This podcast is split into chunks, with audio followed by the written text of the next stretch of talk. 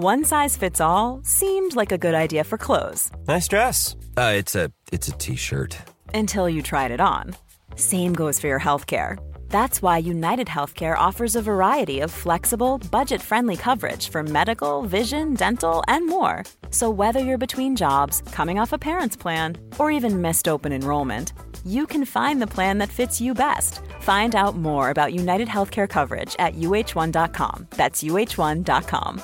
Quality sleep is essential. That's why the Sleep Number Smart Bed is designed for your ever evolving sleep needs. Need a bed that's firmer or softer on either side? Helps you sleep at a comfortable temperature? Sleep Number Smart Beds let you individualize your comfort so you sleep better together. JD Power ranks Sleep Number number 1 in customer satisfaction with mattresses purchased in-store. And now, save 50% on the Sleep Number limited edition Smart Bed for a limited time. For JD Power 2023 award information, visit jdpower.com/awards. Only at a Sleep Number store or sleepnumber.com.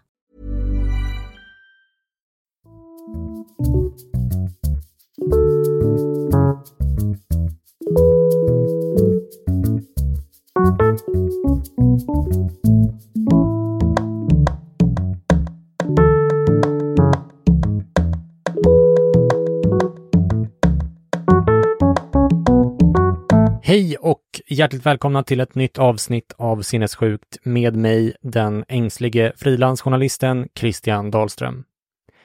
Idag ska ni få den första delen av min intervju med Craig Bryan, den amerikanska suicidforskaren och professorn på Ohio State University, som har skrivit den intressanta boken Rethinking Suicide, Why Prevention Fails and How We Can Do Better. Men innan jag berättar mer om Craig har jag fått frågan om att be er om hjälp från en av de svenska organisationerna som verkar i Ukraina nu under kriget, Insamlingsstiftelsen Sverige-Ukraina. Kriget pågår ju fortfarande med oförminskad styrka och det är eh, självklart vår plikt att hjälpa det ukrainska folket på alla sätt vi kan. Vi har ju samlat in pengar till Ukraina vid två tillfällen här i podden och Insamlingsstiftelsen Sverige-Ukraina är en av de organisationer som jag vet är seriösa, så jag hoppas att ni vill bidra igen. Den här stiftelsen samlar in pengar för att stärka sjukvård och utbildning i Ukraina samtidigt som de arbetar för att stödja veteraner och volontärer. Nu i slutet av oktober skickade de sin tolfte stora hjälpsändning och totalt har de levererat utrustning för 44 miljoner kronor till sjukhus runt om i Ukraina. De har även ett projekt som heter Say It som de vill berätta om och de skrev så här till mig. Det är svårt att greppa och förstå den enorma vidden av den smärta och sorg som sköljer genom Ukraina. Psykisk ohälsa är oerhört stigmatiserat och tröskeln för att söka hjälp är hög.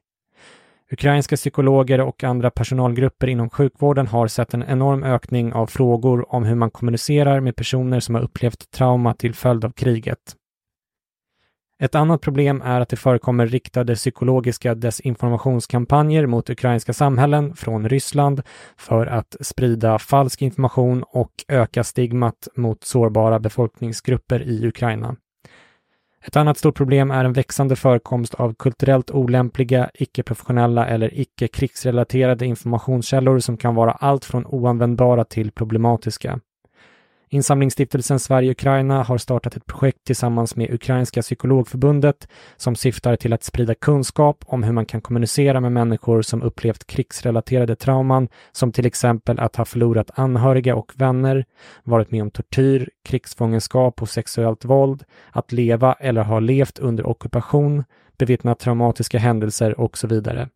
Filmerna är en del av en nationell informationskampanj om psykisk ohälsa i Ukraina.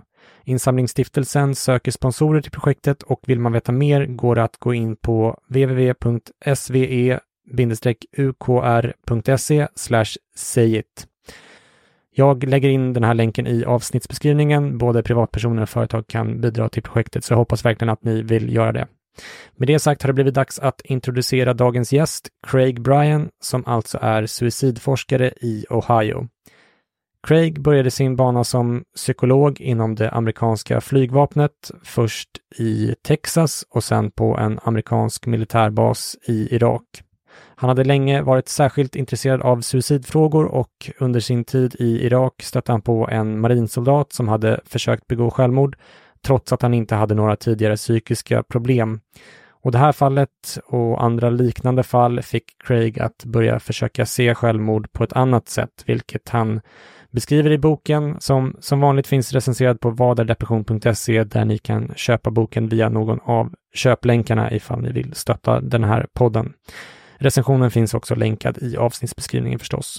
För andra forskare är det här perspektivet som Craig presenterar i boken kanske inte så revolutionerande som titeln antyder, men jag tycker att boken var väldigt intressant och eh, gav i alla fall mig en annan bild av eh, suicidprevention.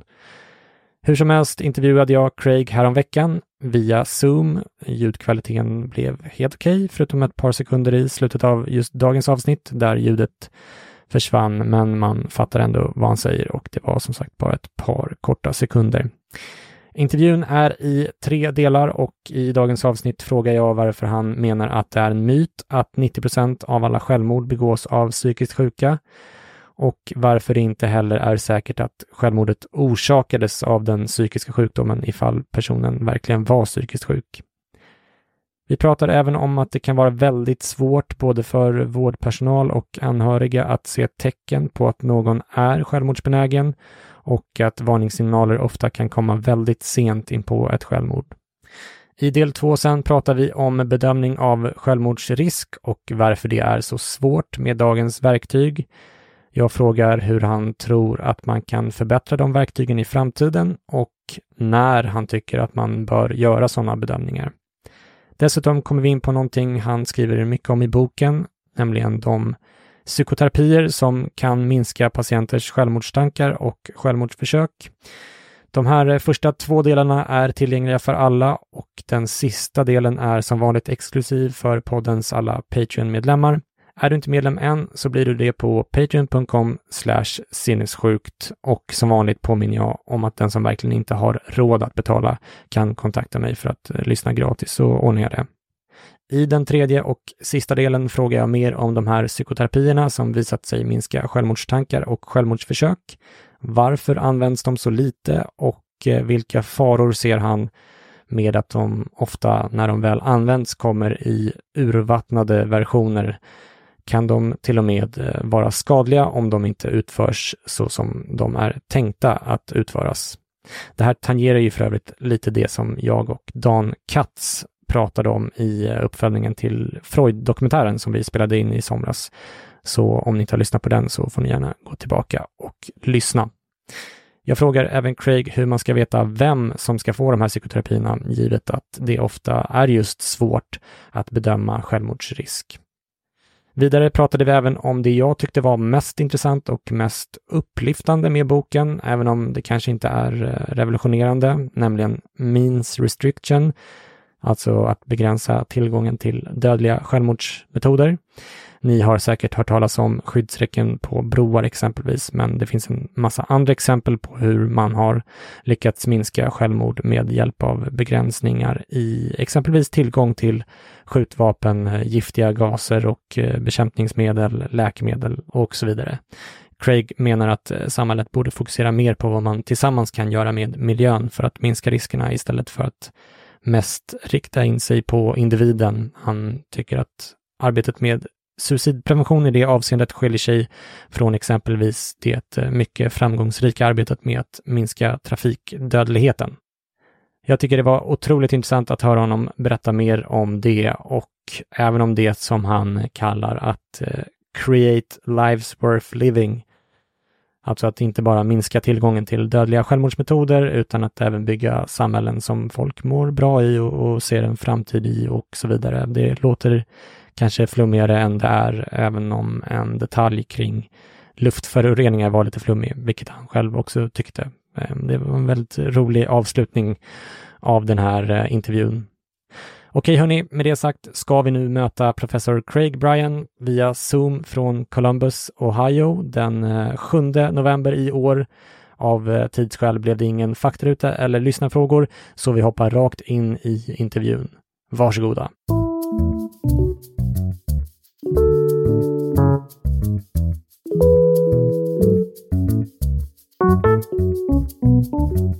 In your book, you challenge the claim that 90% of all suicides are carried out by people suffering from mental illness. Why do you believe this figure might not be accurate? Yeah, so there's there are a couple lines of research evidence that that I think would you know, contradict that, that perspective. Um, one of which is epidemiological data. You know, when we look at you know globally within nations and you know other sort of jurisdictions, we typically see much lower rates of mental health diagnoses and conditions amongst suicide decedents. Um, and that, that's a fairly consistent finding.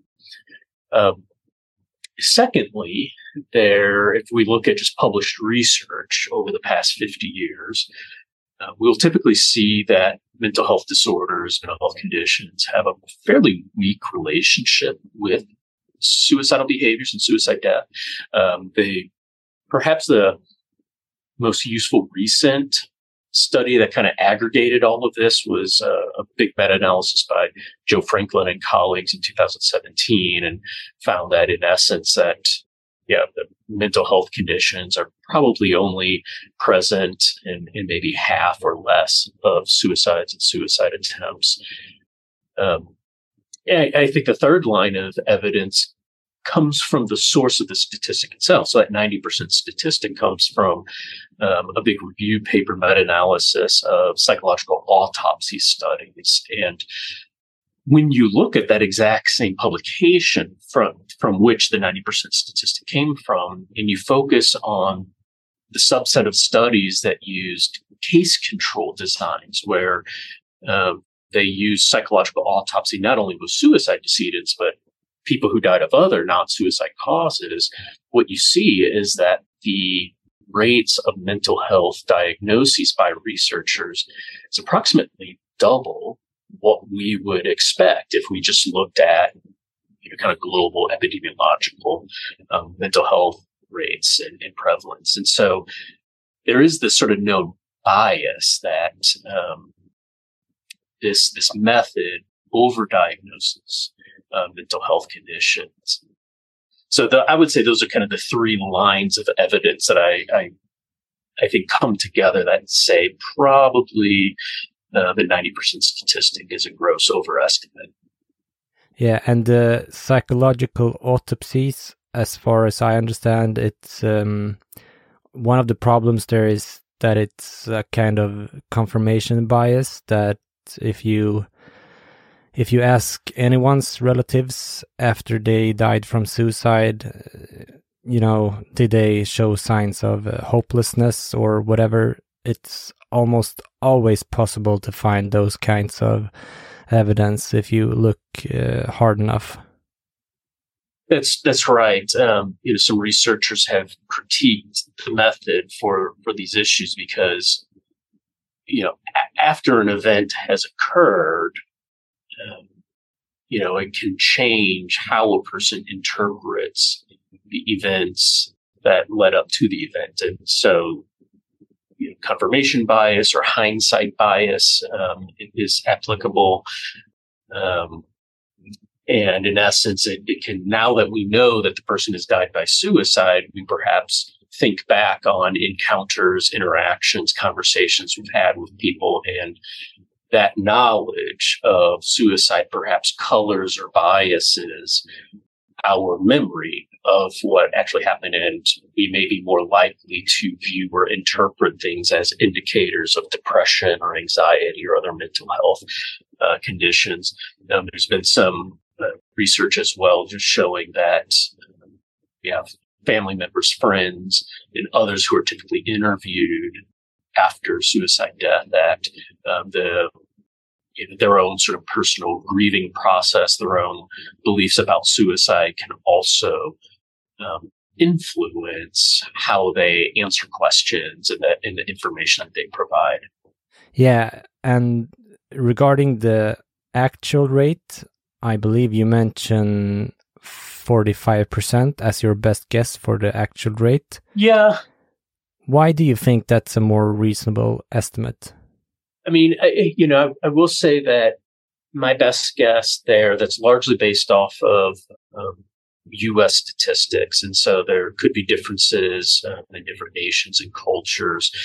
You know, but even when we look at um, international studies, we're probably somewhere in the ballpark of around half of uh, suicide decedents having a mental health condition, and it might be a little bit higher than that, might be a little bit lower than that. Um, but that that again, just based off of published research, that seems to be maybe a, a good estimate. I'm thinking in cases where someone really did suffer from a mental illness and then committed suicide, uh, it's often assumed that the mental illness was the driving force behind the suicide. But this might not necessarily be the case either if I understand your book uh, correctly. Can you explain why? Yeah, so um, you know the yeah, kind of the traditional assumption is is relating to cause and effect, where if a person has depression um, or, or some other mental health condition and they die by suicide, then the first thing must have caused the other. Um, when in reality, the, the more accurate understanding is that the suicide happened within the context of a mental health condition or disorder. And so it's kind of the correlation is not necessarily causation um, refrain. And so it might be that I think in some cases it, it, probably is reasonable to say that depression or mental health suffering directly led to the suicide. I, I absolutely believe that's true for some people. Um, and I think for other people, um, it's it's perhaps that the mental health condition, um, you know, perhaps it influenced things, it, it, modified or moderated, interacted with other factors in a person's life. For instance, if I'm going through a relationship uh, breakup or a divorce or something like that, and it's very upsetting for me. If I have a mental health condition, that perhaps will magnify the intensity of my response or reaction to it. Um, and so in these cases, it's a little bit less straightforward to say that the mental health condition caused the suicide, although it was certainly relevant. It, it was certainly present and we can't conversely say, well, it had nothing to do with the suicide. It, it was just there. It was a part of the puzzle.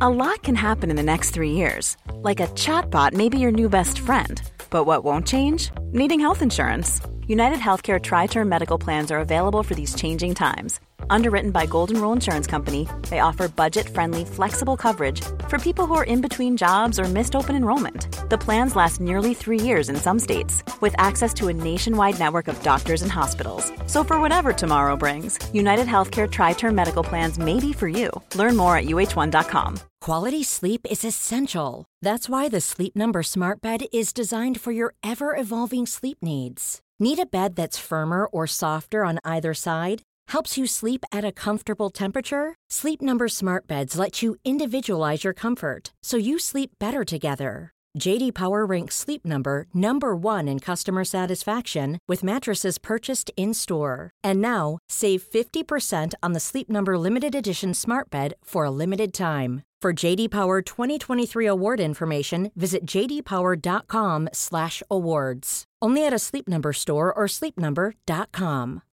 Life is full of what ifs. Some awesome, like what if AI could fold your laundry? And some, well, less awesome, like what if you have unexpected medical costs? United Healthcare can help get you covered with Health Protector Guard fixed indemnity insurance plans. They supplement your primary plan to help you manage out of pocket costs. No deductibles, no enrollment periods, and especially no more what ifs. Visit uh1.com to find the Health Protector Guard plan for you. Yeah, and you um, you describe a specific case that puzzled you, where a marine in Iraq tried to commit suicide in a seemingly very sudden decision without any previous mental health problems.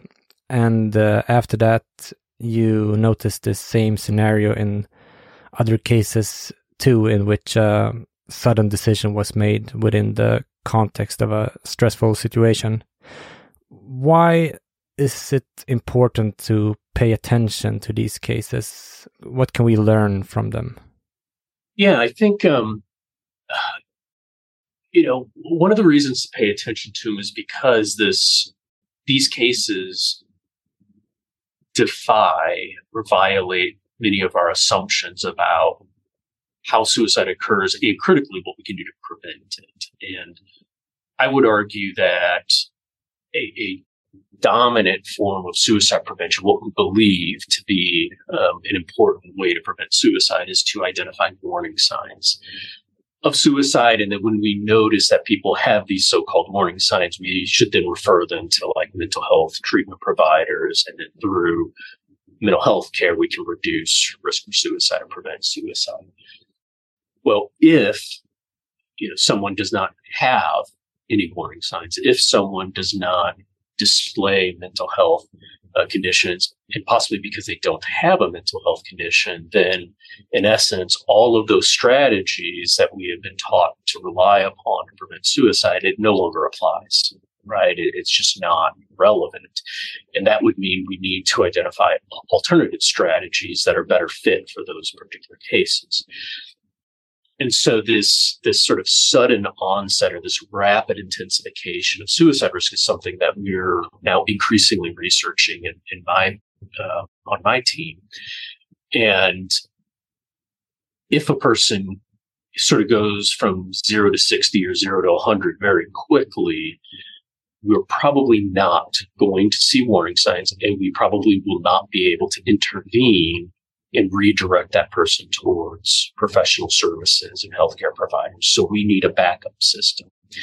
And all this is to say is that I think there's a lot of merit in understanding these cases as two possible strategies to prevent suicide. One of which is we prevent people from trying to kill themselves.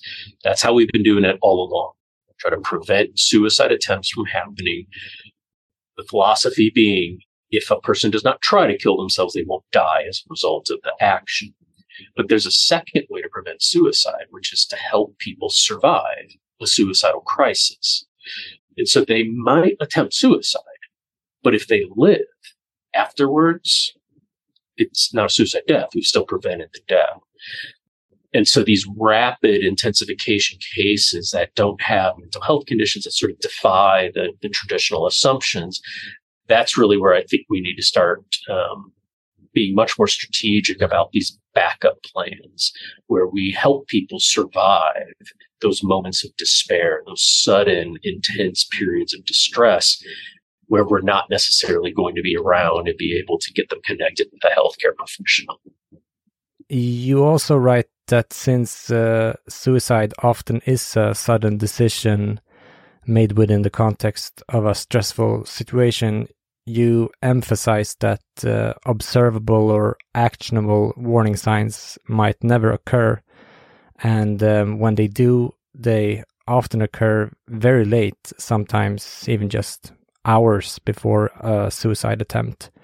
And I'm thinking that survivors often blame themselves for not realizing that a loved one was about to commit suicide. So that seems like a pretty good reason to highlight how incredibly difficult it is to predict suicides, even for uh, professionals. Absolutely. Yeah. I mean, you know, you hear from family members and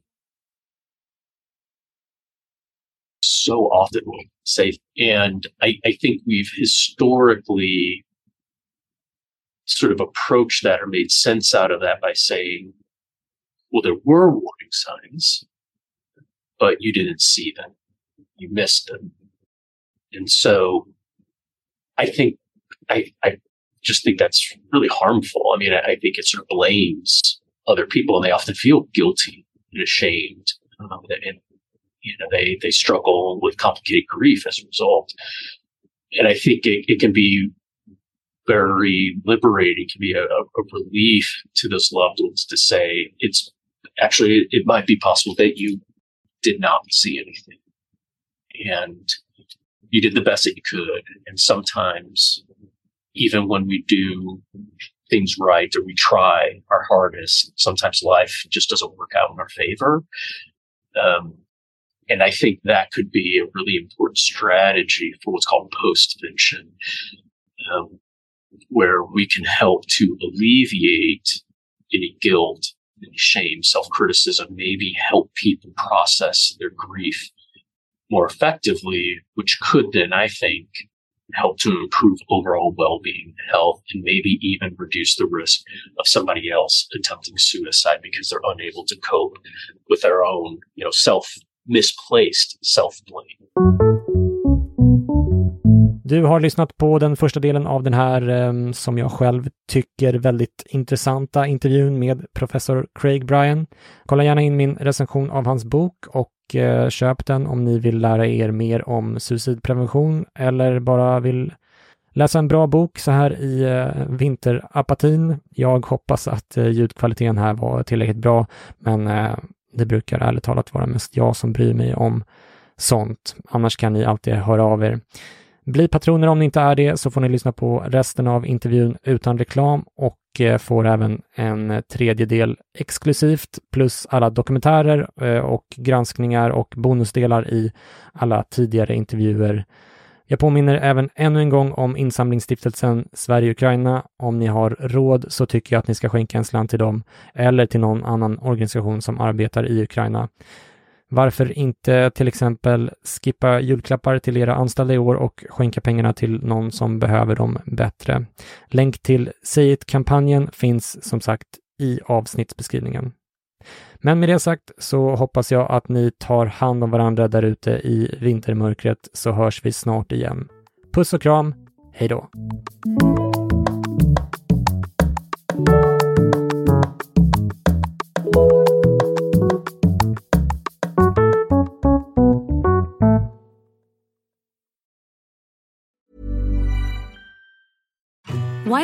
Infant formula companies use organic, grass fed whole milk instead of skim?